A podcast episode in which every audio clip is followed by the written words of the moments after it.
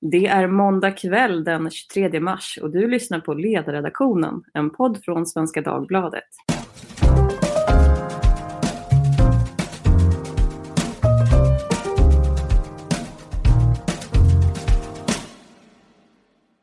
Jag heter Lia Wåhlsten och idag fortsätter vi förstås att prata om corona. Jag tror att vi har över 20 döda nu i Sverige och det är många som vårdas på intensivavdelningar, framförallt här i Stockholm. Det har ju hänt en hel del saker sedan helgen. Vi har fått ett tal till nationen av vår statsminister Stefan Löfven. Idag har också Folkhälsomyndigheten hållit en ny presskonferens där de för första gången nu redovisar hur hårt de tror att vården kommer att belastas av viruset. Så det finns ingen brist på saker att prata om och därför är jag väldigt glad att jag här ikväll har med mig tre riktiga coronanördar. Välkomna alla tre! Tack! Tack så mycket. Vi hör alltså Cecilia Söderberg Naukler, professor vid Karolinska Institutet som har varit med tidigare. Mattias Lundbäck, ekonom som skriver väldigt mycket om corona just nu. Och Jakob Lundberg, också ekonom på Timbro. Min första fråga till er låter så här. Känner ni er lugna inför coronautvecklingen i Sverige just nu? Ja eller nej? Cecilia? Nej. Jakob? Det är svårt att säga. Lite lugnare än för några dagar sedan men utvecklingen ändras ju så väldigt fort så att det, det, och det är brist på information. Vi vet ju inte hur stort mörkertalet är och så vidare. Så att, eh, det är svårt. Ja, Mattias? Relativt ja. Eh. Men vad roligt, då har vi två olika då har vi två olika synpunkter. Då får vi börja med Cecilia. Du känner dig inte särskilt lugn. Nej, för att jag jämför där vi var för eh, två veckor sedan med de siffror som vi ser internationellt, framförallt Italien där vi har uppskattat att vi ligger kanske två och en halv vecka efter dem.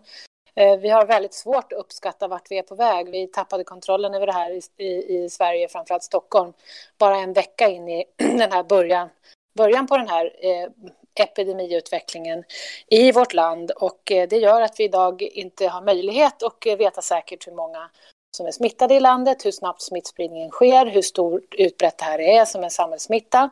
Men vi kan nu börja se det vi hade misstänkt, att eh, nu börjar patienter läggas in på sjukhus till stor del. Eh, vi hade idag 103 inläggningar på IVA tidigare i eftermiddag och vi har 25 stycken som har dött. Så att nu kan man börja räkna baklänges och se att ja, vi ligger nog ganska rätt i de här beräkningarna och då Eh, är det ju förstås en allvarlig utveckling vi går till mötes vad det gäller en belastning i sjukvården till att börja med och sen samhällsekonomiska frågor som, eh, som har att göra med direkt med vår ekonomi och vårt, hur vårt land ska hantera det här. Så jag, är, jag är djupt bekymrad eftersom jag tycker att de inbromsningsåtgärder inte är tillräckliga för att, eh, för att, göra, att eh, göra det möjligt för oss att ta kontroll över den här situationen. Mm. Och varför ska den som lyssnar på det här vara lika orolig som du är? Ja, oro, oro, orolig och orolig. Man ska inte vara orolig för sin egen skull egentligen om man inte tillhör de här eh, äldre åldersgrupperna. Men man ska, vara, man ska ha respekt för det här viruset även som ung person och man ska ta sitt samhällsansvar tycker jag för att vi alla ska hjälpas åt för att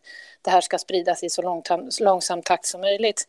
Men eh, de indikationer vi har är att vi ligger fortfarande på det vi förväntar oss att vi skulle göra enligt eh, då en utvecklingskurva som har att göra med Ja, inte riktigt då eftersom vi har gjort vissa inbromsningar i Italiens situation. Men, eh, men det är svårt att bedöma och det ser inte jätteroligt ut att bo i Sverige om ett par, tre veckor. Mattias, det ser inte roligt ut att bo i Sverige om några veckor och sjukvården kommer bli hårt belastad. Ändå är du lugn. Varför? Ja, eh, det är ju, jag får ju säga relativt lugnare än vad jag var för eh, kanske tre, fyra veckor sedan. Eh, då eh, det var väldigt mycket större osäkerhet om eh, vad som skulle hända. Och egentligen var det osäkert också vad Folkhälsomyndigheten siktade på. Många pratade liksom om att man skulle ha 60 procent skulle komma att bli smittade och mycket sånt liksom. Och, och nu tycker jag att man börjar precisera sig lite grann och, säger, och har ett scenario och vad som kommer hända. Och det gör mig ju lite lugnare än vad jag var förut. Jakob, eh, du har börjat titta på det här som ekonom och idag så har du postat ett inlägg också vad det här kommer betyda för folkhälsan. Berätta. Ja, jag tänkte att man, man vill ju få liksom någon övergripande bild av vad det här innebär i termer av ja, rent krasst antal döda och antal förlorade levnadsår för att vi ska få något grepp om vad det här faktiskt innebär ur ett, ja, ett, ett samhällsperspektiv och då för att också kunna faktiskt ställa det i förhållande till olika åtgärder för att bromsa den här smittan som ju kan ha kostnader också. Eh, så jag utgick ifrån den här studien från Imperial College i London som eh, uppskattade då dödligheten för olika åldersgrupper. Eh, man kan, ja, förmodligen är det lite, lite överskattad dödlighet där, men någonting att utgå från. Ja, det ser ju värre ut i Italien just nu, så att, ja, det är nog inte en underskattning. Ja, jag, jag lämnar den diskussionen till experterna och, och bara tar de siffrorna som givna. Så då är till exempel 9% dödlighet om man är över 80. Och så antog jag att hälften av befolkningen eh, smittas eh, och då kan man räkna fram då i varje, varje åldersgrupp eh, hur många återstående levnadsår har man. Och då till exempel då för de som är över 80 så har man i snitt då sex år kvar att leva.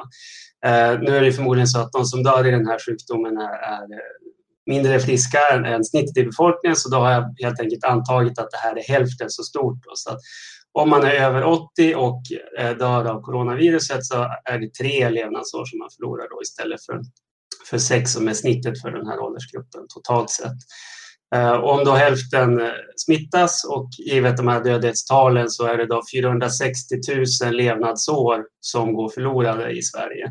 Och medellivslängden blir då 76 år i Sverige istället för 82 som det hade varit annars.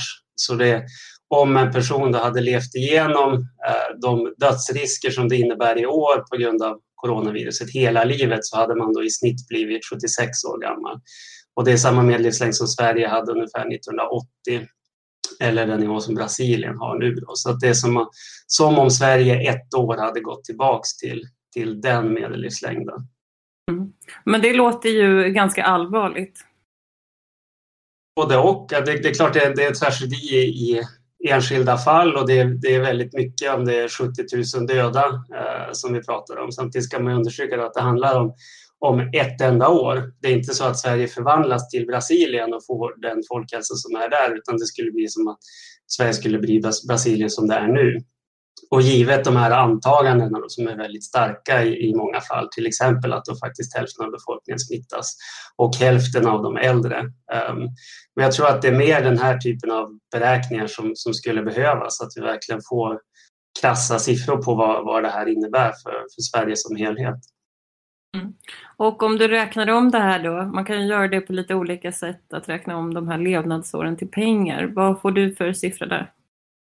Ja, alltså det finns ju, nationalekonomer gillar ju att uttrycka saker i kronor. Det betyder inte att allting bara handlar om, om pengar och BNP, men det handlar om att jämföra olika storheter. Att till exempel då, om man ska satsa väldigt mycket pengar, liksom stänga ner hela samhällsekonomin nästan på att stoppa den här äh, epidemin, då, äh, då behöver man ju också veta vad är det vi vinner så att säga i vunna levnadsår.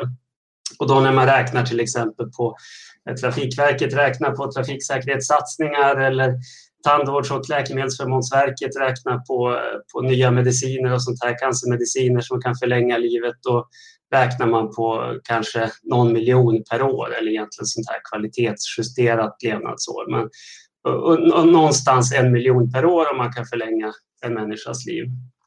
Um, Eh, eller ja, 700 000 per år om man justerar för, för kvaliteten här hur, hur frisk man är så att säga. Och den här kostnaden för de här 460 000 levnadsåren fick jag då till 320 miljarder kronor. Så det skulle vara vad Sverige i princip skulle vara beredd att betala för att slippa den här epidemin. Um, och, och ja, någon typ av samhällsekonomisk kostnad för, för den här dödligheten. Då. Mm. Och det är ju flera som försökt göra den här typen av uppskattning. Jag såg att bloggen Ekonomistas har gjort en motsvarande. Är din, är din beräkning bättre eller sämre än deras? Det vill jag inte uttala. Jag, det här är bara en, en ehm, Alltså det finns ju väldigt mycket osäkerhet i en sån här beräkning så man får se det mer som en, en skiss för hur en, en sån här typ av beräkning skulle se ut. Sen så finns det väldigt mycket osäkerhet i, i alla steg egentligen eh, kring dödligheten och kring hur många som kommer smittas och så vidare. Eh, men eh, det, det, är stora viktiga beslut som kommer fattas och då måste man ha någon typ av beslutsunderlag för det. Jag kan väl bara säga då att det de kom fram till var att vi pratade om ett värde om knappt 1300 miljarder kronor eller mellan 12 till 26 procent av BNP. Så de låg väl lite högre. Men hörni, det här med ekonomi eh, kontra då virusbekämpning har ju seglat upp här sista veckan som liksom den nya diskussionen som vi har. Cecilia, jag vet att du har lite åsikter om det där. Hur, hur, tycker du att man ska se på den här avvägningen? Ja, den är ju oerhört svårt förstås och det som vi redan har pratat om här att det finns många osäkerhetsfaktorer i de här modelleringarna som gör, för det är det enda som vi har till buds för att kunna göra några prognoser för vilka olika åtgärder vi gör och vad de har för effekter både inom sjukvården och för hela samhällsekonomin.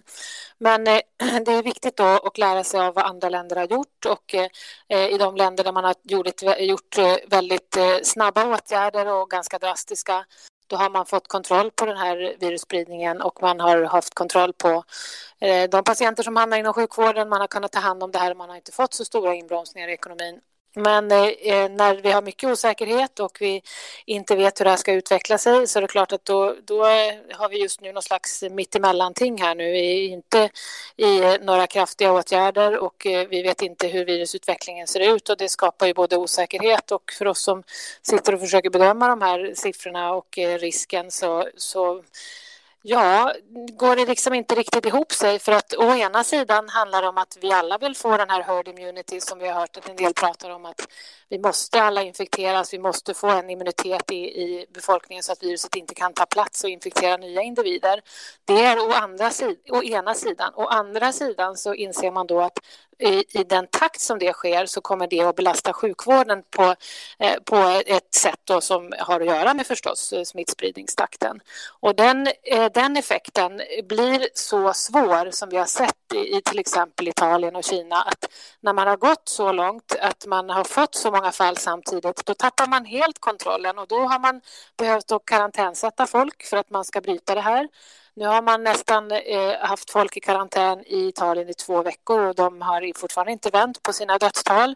Eh, det kan man förstå att de inte har eftersom man måste tänka på hur smittspridningstakten går inom en familj och en fördröjning på IVA-anläggningar och sen även dödsfall. Så att, eh, eh, då, eh, och gör man det, måste det gå så långt, ja då får man ju ännu större inbromsningseffekter på ekonomin och då tar de ännu längre tid innan de kan återhämta sig. Så att de radikala besluten tidigare har direkt en koppling till impact i sjukvården och också hur samhällsekonomin ska eh, stå stilla under en längre tid och sen kunna återhämta sig. Mattias, det är väldigt mycket diskussion nu om vad Sverige gör, men spelar det så stor roll för ett litet exportberoende land vad vi har för strategi om resten av världen så att säga stänger ner? Jag tror inte det har eh, så stor betydelse. Alltså, eh, min bild är att eh, de åtgärder som eh, får ner spridningen av virus så snabbt som möjligt också är de åtgärder som är de samhällsekonomiskt mest effektiva. Eh, och sen eh, när man diskuterar just dödligheten och antaganden om dödlighet och sådär, alla de antagandena baseras ju på att sjukvården fungerar. Men i en situation där sjukvården inte fungerar så kan ju dödligheten sticka upp. Jag läste att eh, bland de italienska fallen till exempel så, är, eh, så eh, kan det vara en stor del som man överhuvudtaget inte har hittat personer som har avlidit i lunginflammation hemma. Det kan vara så mycket som 80 procent. Så att det är och det måste man ju ha med i kalkylen därför att det är ju, det är ju en konsekvens av att man väljer att ha en snabb spridning. Eh, och, och eh, Där ja, pratar man om siffror, siffror som är kanske tio gånger det som man skulle kunna ha under kontrollerade former. Så det handlar om väldigt många personer som inte klaras av att tas om hand om. Det blir unga patienter som i så fall inte kan få plats inom intensivvården. Och det där har man räknat på i England och där sa man att om man bara skulle tillåta de som är mellan 20 och 40 år att få hjälp inom, eh, inom intensivvården, då klarar man inte det på det antalet platser som NHS hade då som var 4 200 innan man började expandera det här. Utan man skulle bara för den ålderskategorin behöva 4 500 platser och man körde på på det sättet som England gjorde innan man drog i bromsen. Vi har ju gjort något slags halvalternativ. Vi har dels eh, tappat kontrollen över spridningen och, och eh, monitoreringen av det. Så vi vet inte hur mycket den gasen spelar roll, för vi är det enda eh, land i västvärlden som har gjort det. Samtidigt som vi är också de enda som direkt försökte, eller ganska tidigt då, i alla fall förra veckan, försökte isolera våra äldre. Eh, sen ser vi att de rantar runt på stan i alla fall. Åtminstone i det område där jag bor så kan jag inte se någon inbromsning överhuvudtaget av sociala interaktioner. Och det är extremt bekymmersamt i ett sånt här läge. För att vi modellerar ju de åtgärder som man gör och eh, försöker se vad har det här för olika effekter för inbromsning. Och det är klart om 50 procent struntar i och, och minskar sina sociala, ehm, eh, sociala kontakter som Novus hade kommit med en undersökning att 51 procent har minskat i eh, 80-plussarna men de flesta, alltså hälften har inte gjort det, ja då får vi ju inte de effekter som vi hoppas och då kommer vi inte ha bromsat in det här till någon nivå som hjälper oss om tre veckor för vad det gäller att kunna ta hand om de som har blivit sjuka. Mm. Jakob, om man är äldre, 70 eller äldre, ska man vara rädd för det här? Jag vet inte om jag ska uttala mig om det. Det är klart att som, som Cecilia säger att på, för den enskilda individen så är, är, risken ganska liten. Men det här är en, en, en, utmaning på, på samhällsnivå och att alla har ett ansvar förstås. Ja. Men vad pratar vi om för, för dödlighet på den, i den ålderskategorin, du som har räknat då på det här? Ja, alltså enligt den här omtalade Imperial College-studien så är det 9,3 procents dödlighet för de som är över 80 då, som, som får den här sjukdomen. Um, och tittar man på italienska siffror så ligger de nu på över 20 procent. Och 70 till 80-årsåldern ligger på eh, ja, 15 procent. Och de, de ligger i tidigare studier på kanske 8-9 procent respektive 15, 14, 15 procent. Så att eh, de har en, en e-, extremt ansträngd sjukvård. Och om det är därför eller för att de, de inte klarar av dem eller de inte hinner komma in till vård eller det vet vi inte. Sen vet vi också att av den andel som, som är över 80 år så är det väldigt svårt att rädda dem oavsett om man har intensivvård eller inte. Så därför tycker vi, lås in era gamlingar som är över 80.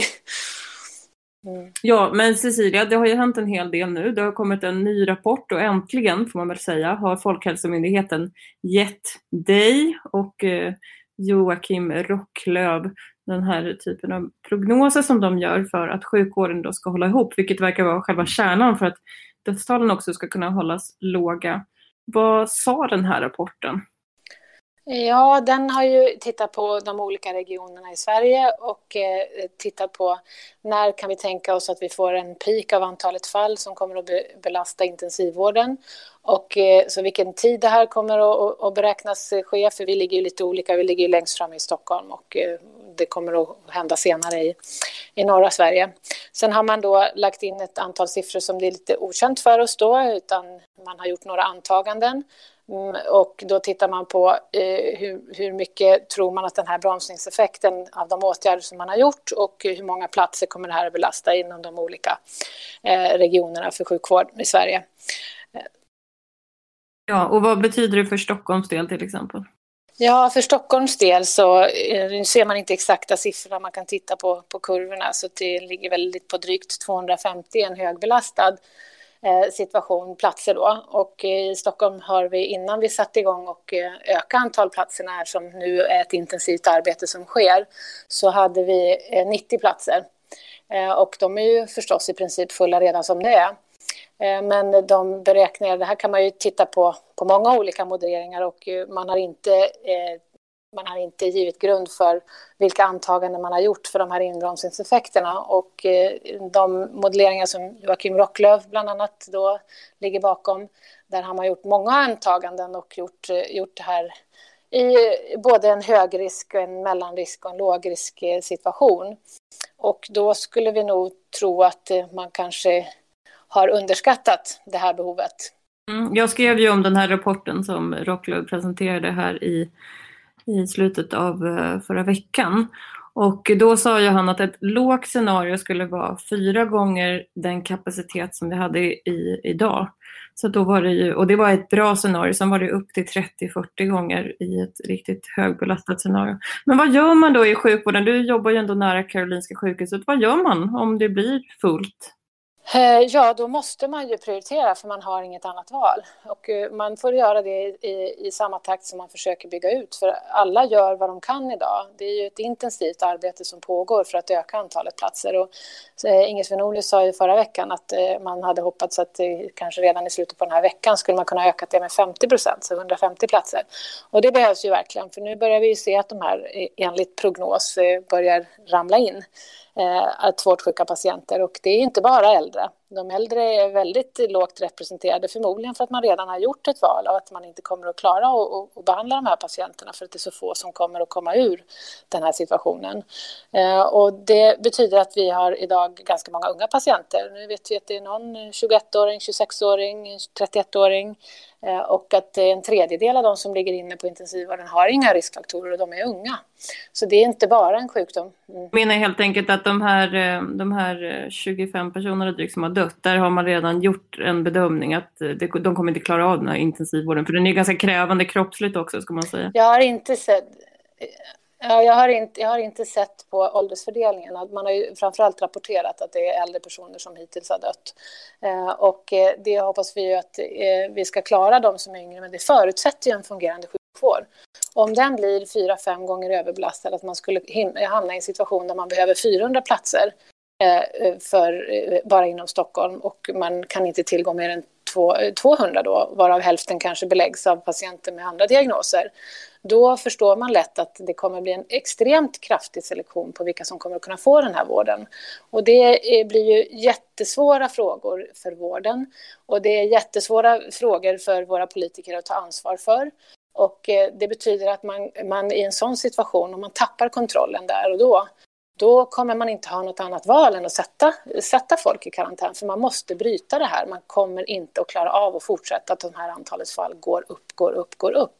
Och det är vad som händer. Mm. Mattias, du har ju följt den här frågan och en, jag har skrivit en text idag också som var riktad till Anders Tegnell. Eller snarare till Agenda, för jag tycker att den intervju som Agenda gjorde med honom igår, den var eh, inte särskilt bra. De ställde inte särskilt många relevanta frågor. Och en sån fråga som jag skulle vilja ha svar på i alla fall, det är om det går att säga någonting när Sveriges strategi, om den har lyckats eller misslyckats. Och nu kunde jag bara notera att ikväll så kom det en artikel från The Guardian som skrev att egentligen så bedriver vi in rysk roulette. Och för de som sitter och följer den här debatten så blir det ju väldigt eh, förvirrande. Å ena sidan har vi en myndighet som uppträder väldigt liksom, betryggande och kompetent. Å andra sidan så kommer den här typen av artiklar som säger att Sverige sticker ut unikt. Liksom, att vi har en helt annan, mer laissez-faire attityd till det här viruset och som kan ha väldigt negativa konsekvenser.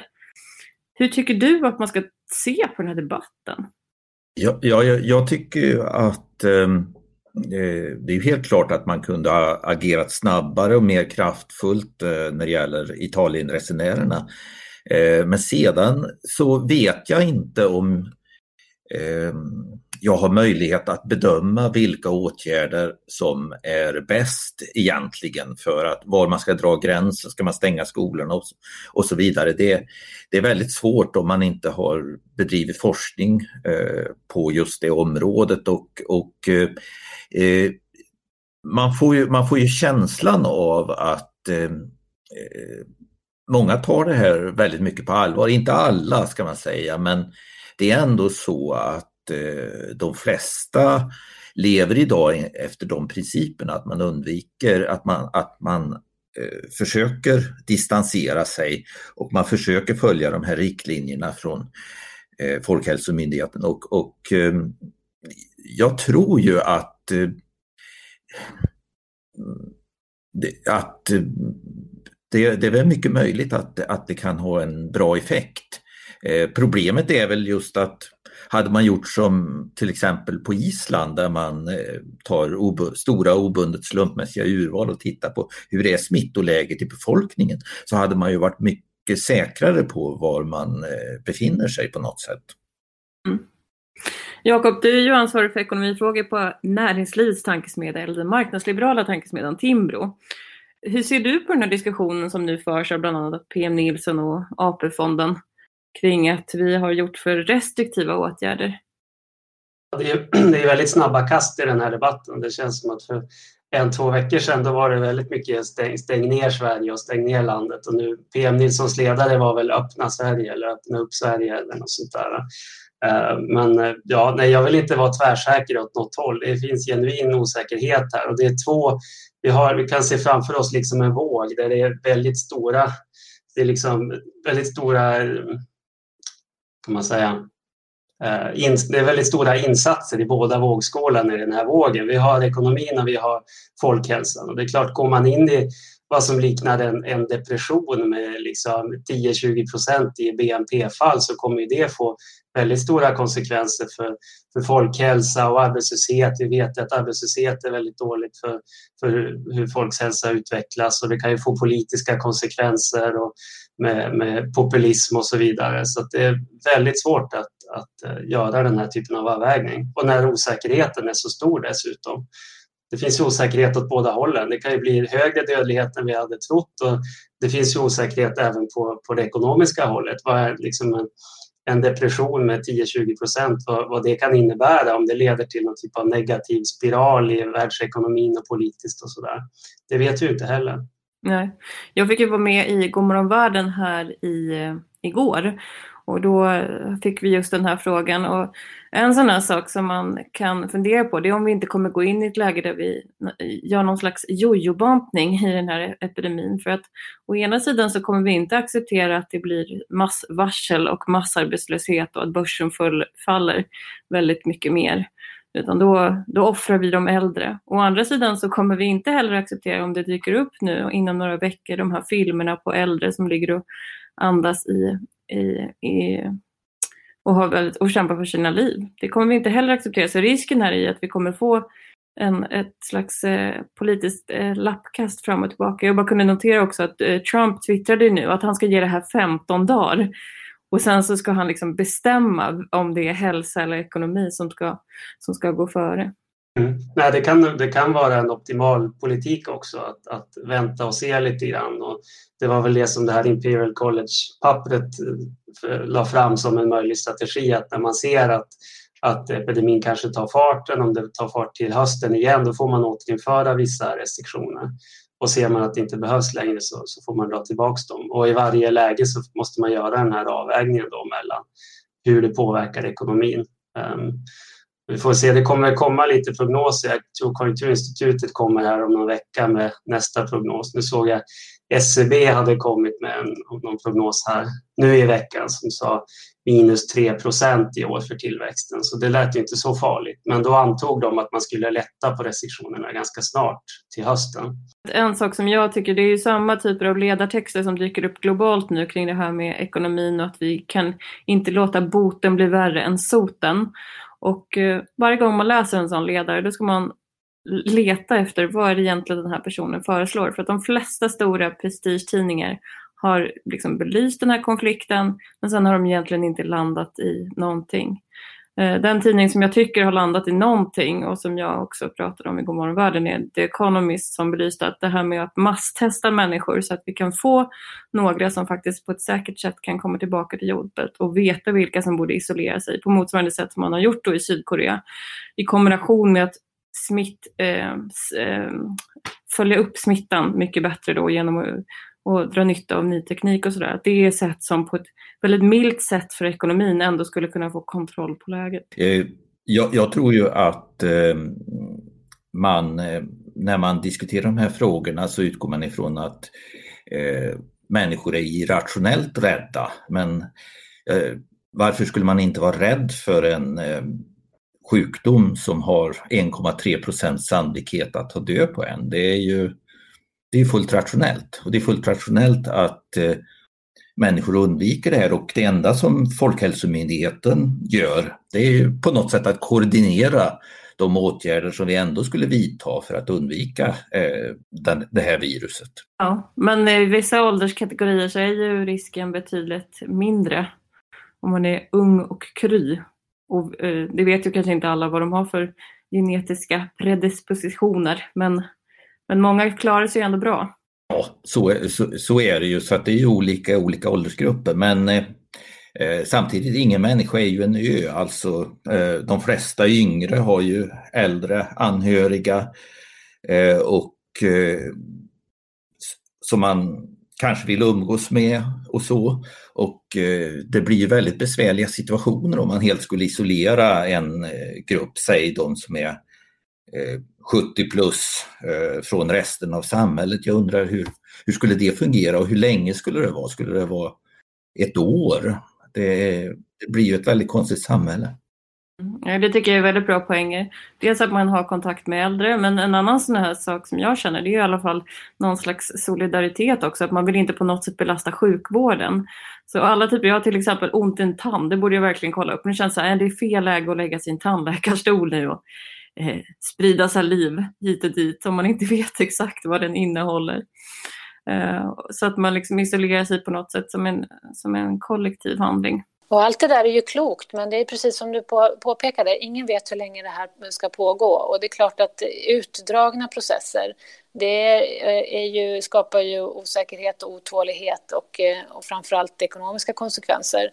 Om man ska ha en inbromsning som går under väldigt lång tid innan man, man får någon koll på det här läget. Men jag tänker att man måste lära sig av andra länder. Kina ligger först ut, de börjar öppna nu när vi hoppas ju få data på att se hur spridd var den här infektionen i det land som faktiskt gick i lockdown. Eh, och eh, eh, det, det, vi har sett hittills är att alla länder har, har tagit drastiska åtgärder och det har fått olika effekt på olika tidpunkter. Har man gjort det tidigt så har man bibehållit kontroll till låga kostnader. Har man gjort det för sent så blir det enorma eh, kostnader som är kopplade till det här. Där Italien befinner sig fortfarande nu, där vet vi inte hur länge de behöver sitta i karantän, men det är klart att det har ju jättestora effekter på BNP för det landet. Och frågan är var vi kommer att befinna oss om eh, en månad. Ja, och du är en av de som är orolig medan många andra känner sig väldigt trygga och använder hashtaggen eh, backa Tegnell. Um, men vad ska vi vara oroliga för? Nej, men då tänker jag att, att vi, har, vi har ju tillgång, i alla fall inom, vi, vi inom vetenskapsvärlden har ju tillgång till eh, de flesta data som alla andra har. Och nu är det så att Sverige står väldigt ensamt i den strategi som vi har tagit. Och jag menar på att eh, försiktighetsprincipen borde råda i vårt land, vilket betyder att prova oprövade saker för vårt lands räkning det tycker jag är inte rätt väg att gå i ett sånt här läge. Jag tycker hellre kanske att man borde ta till sig vad man har lärt sig i andra länder och att man eh, borde eh, försöka ha kontroll på det här läget och man borde agera sen utefter hur andra länder som ligger lite före oss i den här utvecklingen har kunnat då först bromsa in och sen öppna upp och så ser vi hur det går. För det är mycket vi inte kan om det här viruset. Det är mycket vi lär oss nytt varje dag och man måste vara ödmjuk för att ingen är expert på det här. Eh, vi kommer att ändra oss allt ut efter, att vi får ny kunskap om viruset. Och det kommer också göra att man kan förändra de åtgärder som man gör. Men man kan inte ångra sig om två veckor när man sitter där och har överfyllda IVA-enheter. Då var det synd att man inte tog den där besluten och det är precis det Italien till exempel varnar oss för de hade ju hoppats att de hade fått den där informationen två veckor innan de stod där. Och nu är de mitt i, i, i ett eh, fruktansvärd katastrofsituation och försöker ta sig därifrån. Men om du vore statsepidemiolog, vad, vilken siffra är det du skulle titta på för att avgöra om svensk strategi fungerar eller inte? Ja, jag skulle vara extremt frustrerad eh, i, i nuvarande läge eftersom vi inte har haft testningsmöjligheter. Vi förlorade kontrollen över det här som jag sa bara en vecka in i epidemin i, i Stockholm. Eh, vi kunde inte följa utvecklingen, vi kunde inte titta på indexfall, man gjorde inte en korrekt, i mitt, eh, i min, eh, enligt min åsikt, korrekt smittspårning. Man eh, eh, tog inte tag i kontakter som hade träffat någon som hade varit i skolan under en hel dag. Man informerade inte den klassen till exempel. Så jag tyckte inte att man gjorde adekvata åtgärder och såg att risken för samhällsspridning skulle komma upp redan veckan efter. Och det var ju så det blev. Du hade ju kontakt med Folkhälsomyndigheten och Folkhälsomyndigheten hade också fått de här flaggorna i systemet eh, långt tidigare. Varför tror du att man inte agerade? Ja, det, man tror kanske att eh, man trodde, eh, jag skulle tro att man underskattade smittsamheten av den här. Man underskattade antalet importfall eh, som kom från sportloven där vi var flera som varnade om att de här borde sitta i karantän både i skolor och i, i, i, arbetslivet. Och det var ju kloka företagsledare som faktiskt skickade hem sina med, medarbetare. Och det var en broms redan där, men den kom ju inte från nationellt håll, den kom ju från, från eh, bra företagsledning som såg att det här är inte en vettig strategi. Så det var ju en inbromsningseffekt som fanns redan där, men, men från statsmaktshåll så har den ju lyst med sin frånvaro skulle jag säga, för att, eh, att begränsa möten till 500 personer när vi i andra länder ser att man får träffa, träffas två och två eller max fem personer. Eh, det är klart att eh, då förstår vem som helst att det har ingen större effekt i det här läget. Eh, folk har ju ändrat sitt beteende bara de senaste tio dagarna i Sverige. Och det är klart att det är svårt att bedöma vilken inbromsningseffekt har det där medan jag ser att i det, det område där jag bor så ser jag inte att det finns någon skillnad på hur folk beter sig helt eh, lokalt. Men det intressanta är ju att det är precis med den här typen av, vad ska man säga, okulära besiktningar som även då Anders Tegnell uttalar sig och pratar om att ja, men när jag går ut i Stockholm så ser jag inte särskilt många människor och sådär. Och det är ju häpnadsväckande för någon som sitter utifrån att man inte har sådär jättemycket data att gå på. Mattias, är det så att Sverige har ju vidtagit då ganska snälla åtgärder. Har vi klarat oss hittills ekonomiskt bättre än andra länder tack vare då att vi har varit eh, relativt tillåtande. Ja, jag, jag, är, jag, tror ju att de största effekterna eh, av den här situationen det, det, är ju, det kommer ju utifrån. Det, det är ju påverkan från eh, andra länder och eh, eh det, det, är ju eh, branscher som drabbas nu, ja det är ju naturligtvis eh, besöksnäring, det är restauranger, och eh, eh, så. Men det, det, är ju en naturlig konsekvens av att människor inte vill bli smittade av det här viruset därför att det är farligt. Och eh, jag tror inte det är så mycket att göra åt helt enkelt. Det... Och det är ju olika sidor av det här myntet också. Det ena är ju då om man säger att liksom konsumtionen, eh, efterfrågan har droppat. Men en annan sak är ju produktionsförmågan också. Jag såg att McDonalds stänger ner nu i Storbritannien och då, det första man skriver då i sitt pressmeddelande det är ju faktiskt att det är av omsorg av de anställda. Eh, så det tycker jag man kan spela in här om man vill försöka stimulera konsumtion, men hur, hur ska man göra med, med de man har anställda? Och det här kanske spelar in också i den här konflikten då mellan Kerstin Hessius på AP-fonden och Leif Östling de har ju lite olika bakgrund och där kan man ju se att Leif Östling då har ju haft personalansvar för väldigt många människor, vilket jag, som jag har tolkat i alla fall, Hessius inte har haft. Jakob? Ja, det, är, det är en klassisk utbudschock det här som alltså man kan slå upp i nationalekonomiska läroboken att helt plötsligt minskar ekonomins förmåga att, att producera för många går inte till jobbet och, och företagen får inte tag i, i insatsvaror och så vidare. Eh, och då är det väldigt svårt att, att liksom stimulera sig ur det. Utan det det handlar om på kort sikt är väl att se till att företag inte går omkull i onödan. För det, det vet vi från tidigare att det är inte så att om en massa företag går i konkurs och sen så ett år senare så är allt som vanligt och produktionen bara startar upp igen. Utan det finns mycket liksom, tyst kapital och tyst kunskap i form av nätverk och kontakter och relationer mellan anställda och chefer och sånt här i de här företagen. Och det går förlorat om de här företagen går omkull. Så därför är det väldigt viktigt att man ser till att, att företagen inte går i konkurs i onödan. Och sen handlar det om att stimulera då lite senare när det är dags att börja konsumera igen och få ekonomin på fötter. Och där har ju Moderaterna gått ut med ett förslag idag såg jag om att man ska slopa arbetsgivaravgiften för, för vissa typer av företag då i, i några månader här. Mm, jag hade faktiskt tänkt det innan de gick ut med det att det skulle vara en sån där åtgärd för det är den, den stora skatten som företagen rent juridiskt betalar, 30 procent på alla löner, så det är klart det blir väldigt mycket pengar. Och det innebär ju också att man kan inte göra det särskilt länge. De har föreslagit det två månader och bara det blir 70 miljarder. Arbetsgivaravgifterna på helår är 600 miljarder någonting. Eh, så det här är någonting man bara kan göra på väldigt kort sikt för att föra in likviditet i företagen. Mm. Här kommer en eh, en eh, radikal tanke från sidan då. Eftersom att det här med smittspridning och så kommer bli en konkurrensfördel antagligen att ha kontroll på det här. Och även då som individ att kunna visa upp att jag är antingen immun eller jag är inte smittad. Det kan bli en konkurrensfördel. Borde inte här vara läge att faktiskt öppna upp då arbetskraftsinvandringen till exempel för de som är smittfria? För en liberal tankesmedja. Vad sägs? Jag är alltid för att öppna upp arbetskraftsinvandringen. Det finns väl vissa problem just nu med, med resande och så vidare. Men det är väl någonting man kan ta med sig sen då. Det skulle vara mitt, mitt tredje steg efter den här krisen. Då måste man ju ha strukturreformer på plats för att ekonomin ska, ska växa på lång sikt. Och då kan ju absolut arbetskraftsinvandring vara en sån här grej som, som kan hjälpa tillväxten.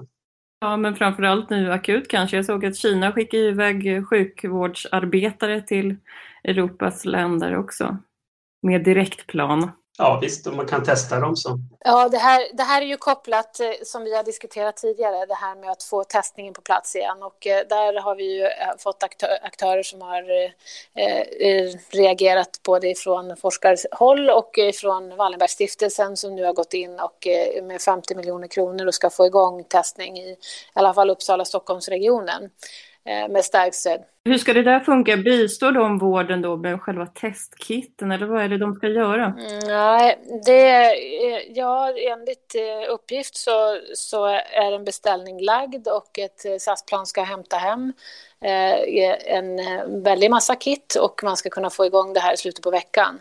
Så att det är väldigt positivt.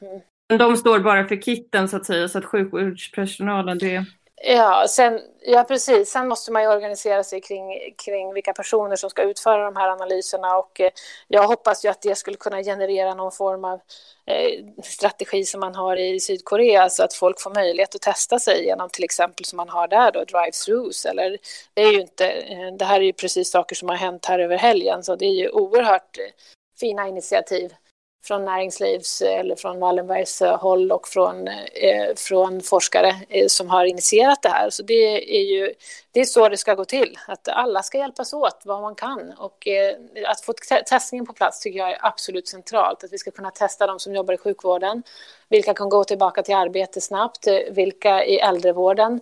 Eh, jag fick höra förra veckan att det var ett äldreboende som, som hade 20 av sin personal borta och bad att få dem testade för de måste ha dem tillbaka.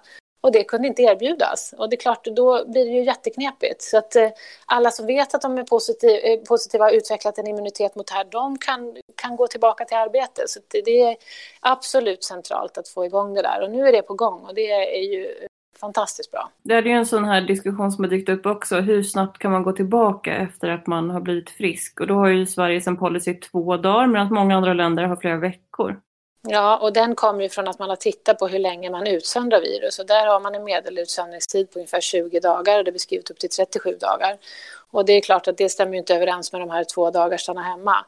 Sen eh, kan man säga att, eh, att, det, att hitta viruset är en sak och ha höga nivåer är en annan sak. Men för två veckor sedan så var ju strategin både i Sverige som i andra länder att man skulle ha två negativa test efter en vecka innan man fick gå utanför dörren. Sen ändrade man det där till en vecka efter man var, var symptomfri och två dagar senare så hade man ändrat sig när man hade lagt ut diagnostiseringen på alla Sveriges medborgare att eh, man kan ju inte sitta hemma liksom i en vecka efter varenda förkylning och hela familjen ska isolera sig. Då stannar ju också Sverige. Så att, eh, då sa man två dagar, men det finns inget vetenskapligt belägg för att det skulle vara klokt.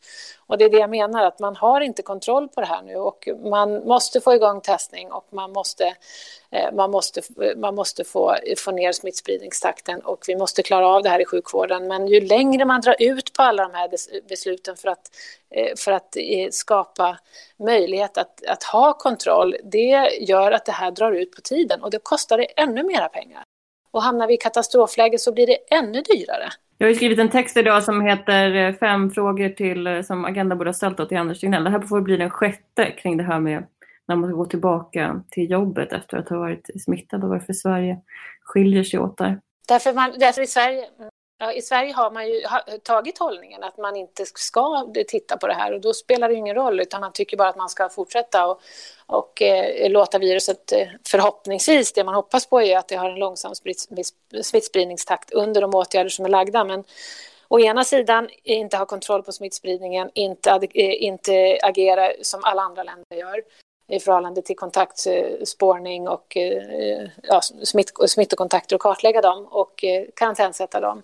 Det gör vi inte här och det är för första gången någon gör det och jag tycker att det här är ett oprövat experiment.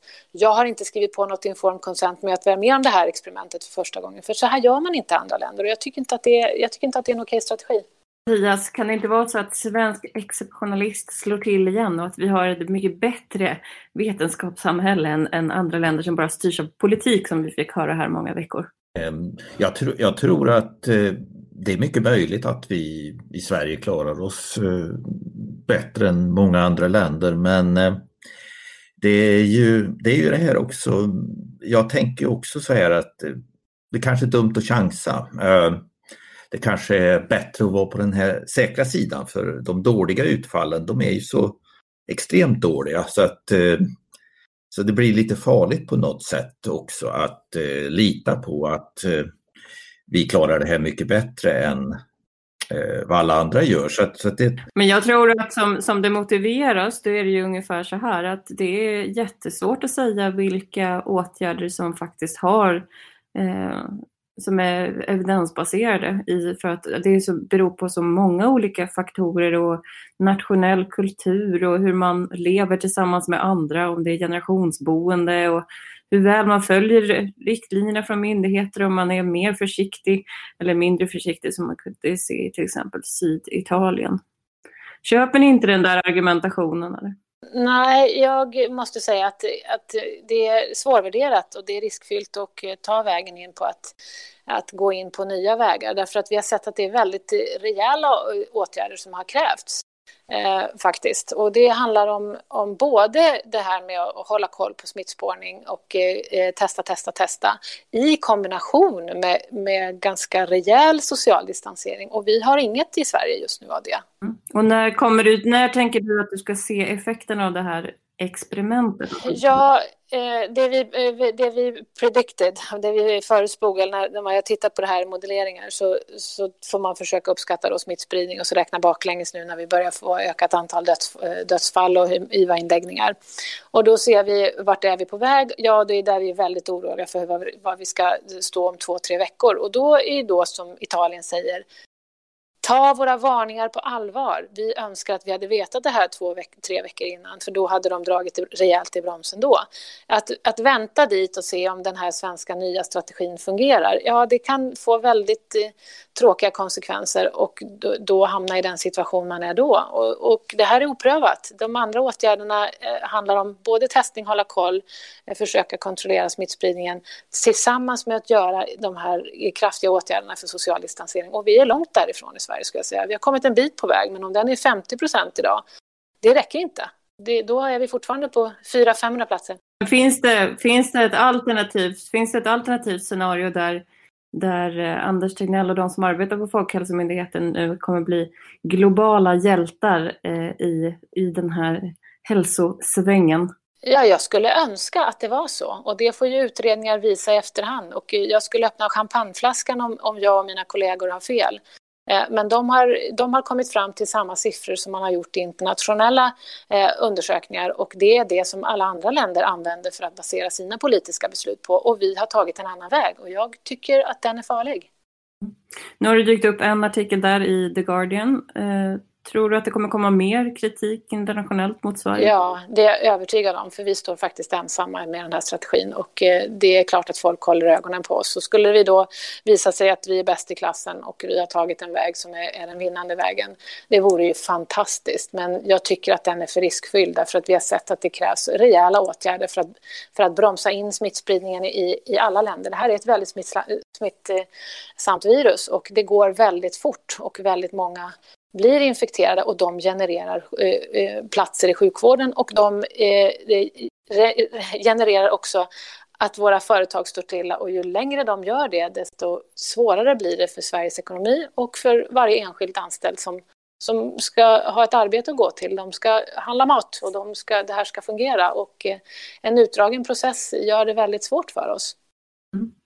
Eh, vi kommer behöva avrunda här snart, men min sista fråga till dig, om det nu är så allvarligt som du upplever, vad är ditt ansvar i det här nu? Ja, mitt ansvar är att jag och mina kollegor vill ha en vetenskapligt eh, grundad diskussion och det har vi försökt att få ha med Folkhälsomyndigheten. Eh, eh, den här, eh, och vi också vill ha en transparens för vilka data man använder för att både modulera och eh, vilka antaganden man gör och vilka effekter man tror att man har av åtgärder. Och det som har kommit ut nu, det välkomnar vi, för det är väldigt bra att vi får ett, ett underlag där vi kan jämföra med de, eh, de analyser som, ja, framförallt Joakim Rocklöv är ju eh, drivande i det här och har gjort mer detaljerade sådana. Och, och då tänker jag att man ska ta man ska ta vara på den kraft som finns ute i landet att vilja hjälpa till. Det är ju ingen som vill kritisera i sak, man vill bara ha en vetenskaplig diskussion. Men tycker du att ni har fått den data som ni behöver nu?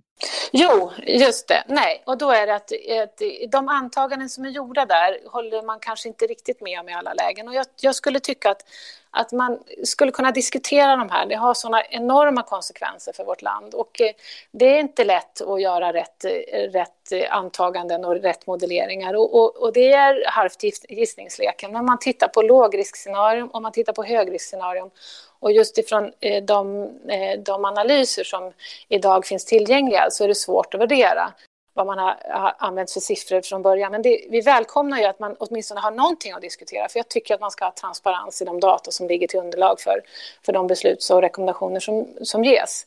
Och det är därför vi blir oro, oroliga. Mm. Utifrån så ser det ut ungefär så här. Vi har Folkhälsomyndigheten och där har vi två talespersoner och sen har vi Johan Giesecke och det är han som uttalar sig nästan överallt. På Twitter så är det Agnes Wold. Eh, efterlyser du fler personer i debatten? Tycker du att media ska, ska ringa dig oftare?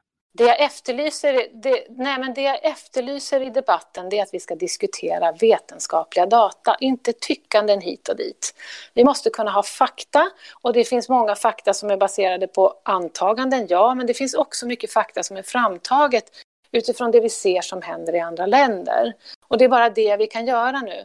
Vem skulle du säga, om, om media ställer upp Johan Giesecke som liksom har varit chef på WHO, har tidigare varit statsepidemiolog, vem utanför eh, den här myndighetssvängen då skulle du vilja ställa upp bredvid honom? Ja, men, men har, du hört, har du hört någonting som Johan Giesecke har sagt? Jan Albert uttalar sig ofta i, i, i media. Eh, Agnes Wold, hon har också åsikter. Eh, jag har inte hört, eller Johan von Schweb till exempel, jag har inte hört ett enda uns fakta som de här personerna har levererat i den här diskussionen. Vi efterlyser fakta. Vi är inga som tror, vi är vetenskapspersoner, vi tror inte på auktoriteter. Vi tror på fakta och vi vill ha en vetenskaplig hållen diskussion. Sen vem som har rätt eller fel i slutändan, ja det eh, får eftertidens eh, eh, analyser eh, ta, ta reda på. Men det som är viktigt nu att se, varför gör vi de här antagandena? Vilka fakta ligger till grund för de här sakerna? Och vi kommer till andra åsikter, hela världen kommer till andra åsikter. Är, är Folkhälsomyndigheten så mycket bättre än hela världen? Och varför är det så? Om vi kan förstå det, eller om man har gjort ett krasst antagande och säger så här, ingen över 40 år får plats på sjukhusen om tre veckor.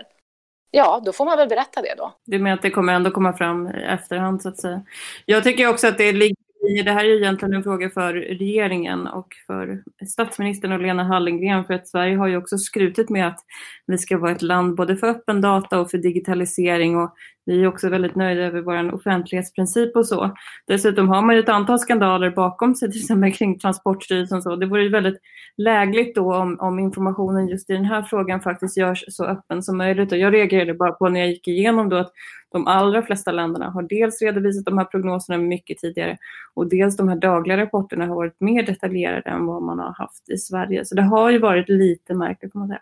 Ja, får jag säga en sak där? För jag tycker att det är enormt viktigt att våra ministrar och förstås även vår statsminister får ta del av just de här uppgifterna. Och då tänker jag att om man bara tar del ifrån det som kommer från Folkhälsomyndigheten men hör att det finns en, eh, en, en stor grupp eh, andra åsikter som kommer från vetenskapssamhället så tänker jag att det är väldigt viktigt att de sätter sig in i sakfrågan.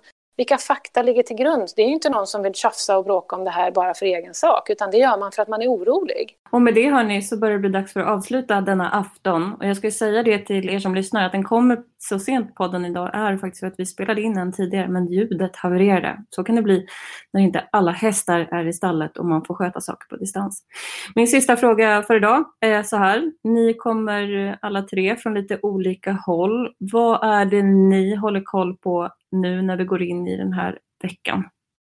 Jakob? Ja, de här BNP-siffrorna som kommer blir ju spännande att se. Sen det är klart att man följer antalet fall i Sverige med intensivvård och dödsfall och så vidare. Mm. Vad är det du letar i den datan då? Nej, jag, jag kan inte, jag får Cecilia berätta mer vad det är man ska leta efter där, men det är klart man försöker se trender och gärna hoppfulla trender. Då. Det, jag läste någonstans att det var mindre fall nu i helgen än vad man hade befarat, så det, det är väl sådana saker som man letar efter.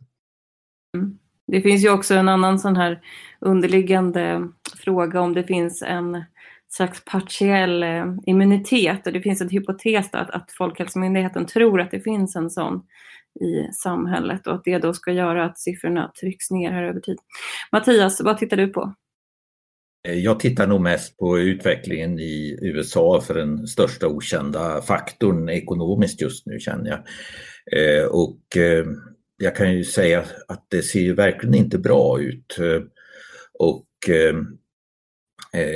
så att det är väl kanske den, den saken som jag håller mest koll på. Sen är jag också, tycker jag också det är lite intressant eh, att titta på hur, hur eh, Island eh, som faktiskt har gjort obundet slumpmässiga urval från befolkningen för att se hur många som verkligen har viruset för tillfället. Och det tycker jag också är intressant när de kommer att presentera de data slutgiltigen att jämföra med de officiella data där man har tagit eh, på personer och symptom och så jämföra med de eh, helt slumpmässiga urvalen och se, för där tror jag man kan lära sig mycket också. Mm. Och den typen av data ska ju också den svenska Folkhälsomyndigheten börja samla in nu. Cecilia, då får du avsluta för idag. Ja, och då det, ligger det väl i i samma tankar förstås. Det vi håller koll på i Sverige är ju förstås de inläggningsfall vi har, hur många som IVA-vårdas och tyvärr då hur många som, som inte klarar det här utan som dör. Och eh, det gör ju att vi kan förfina de modelleringar som är gjorda. Att eh, ligger man, var ligger man i de här? Så man lär sig nya saker varje dag. Men vi försöker ju hålla koll på de vetenskapliga data som produceras förstås. Det kommer ju nya saker varje dag. Vi vill ju gärna se hur de antivirala läkemedlen fort det finns nya rön och eh, hur det här ter sig i vetenskapliga studier, det väntar vi på. Vi väntar på populationsbaserade studier, precis det som sades nu, hur många är smittade och vi vill att man kommer igång snabbt och ser hur många har bildat ett antikroppssvar mot det här. Eh, vad, vad, finns det för belägg för att vi har en partiell immunitet, den är inte klar. Så det är mycket vetenskapliga data, det är nya saker vi lär oss varje dag om det här viruset. Och som sagt, ödmjuk inför fakta att vi vet inte allt. Och samtidigt vill man ju då hålla koll på hur går den ekonomiska diskussionen i det här? Och eh, där är jag, det, jag bara lyssnar och eh, försöker lära mig, men jag ser ju att det här är två saker som går i hand, hand i hand. Det är pest eller kolera vi pratar om och de har olika prislappar. Då. och vi får se var vi hamnar helt enkelt. Men tidiga åtgärder vill jag eh, hålla fast vid. Det är det som gör att vi håller kontroll och att vi får mindre, mindre påverkan på vår, vår tråkiga ekonomiska utveckling som vi har framför oss. Och eh, det jag väntar på det är att du ska få till det här mötet då med Folkhälsomyndigheten som jag har skrivit om i tidningen också, att du har efterlyst och blivit utlovad men att det inte har bokats något. Och då är ju spänningen olidlig. Har det blivit något? Nej, det har inte blivit något. Det blev ett avslutat samtal senast vi diskuterade det här, jag och eh, Anders Tegnell i fredags. Så att eh, vi hoppas att vi kan få igång den här diskussionen igen. Jag vet att, eh, att Joakim Rocklöv kommer att ha kontakt med Folkhälsomyndigheten imorgon, så jag hoppas att de kommer fram till, till några konstruktiva förslag som gör att vi kan hjälpas åt att komma framåt i det här. Att, var står vi? Vad har vi för prognoser? Vad är det för antaganden vi gör som gör vi borde ta eh, andra beslut i Sverige. Så jag hoppas att de kommer att ha en bra diskussion om det imorgon. Och med det så vill jag eh, säga stort tack till Cecilia Söderberg Naukler, professor vid Karolinska Institutet, Mattias Lundbäck, ekonom som skriver väldigt mycket om corona på sin blogg och Jakob Lundberg som är chefekonom på Timbro. Och eh, ni som har lyssnat, ledsen för att det blev en sen podd idag, men varmt välkommen tillbaka imorgon. Och hör av er som vanligt på ledarsidan svd.se. Hej då!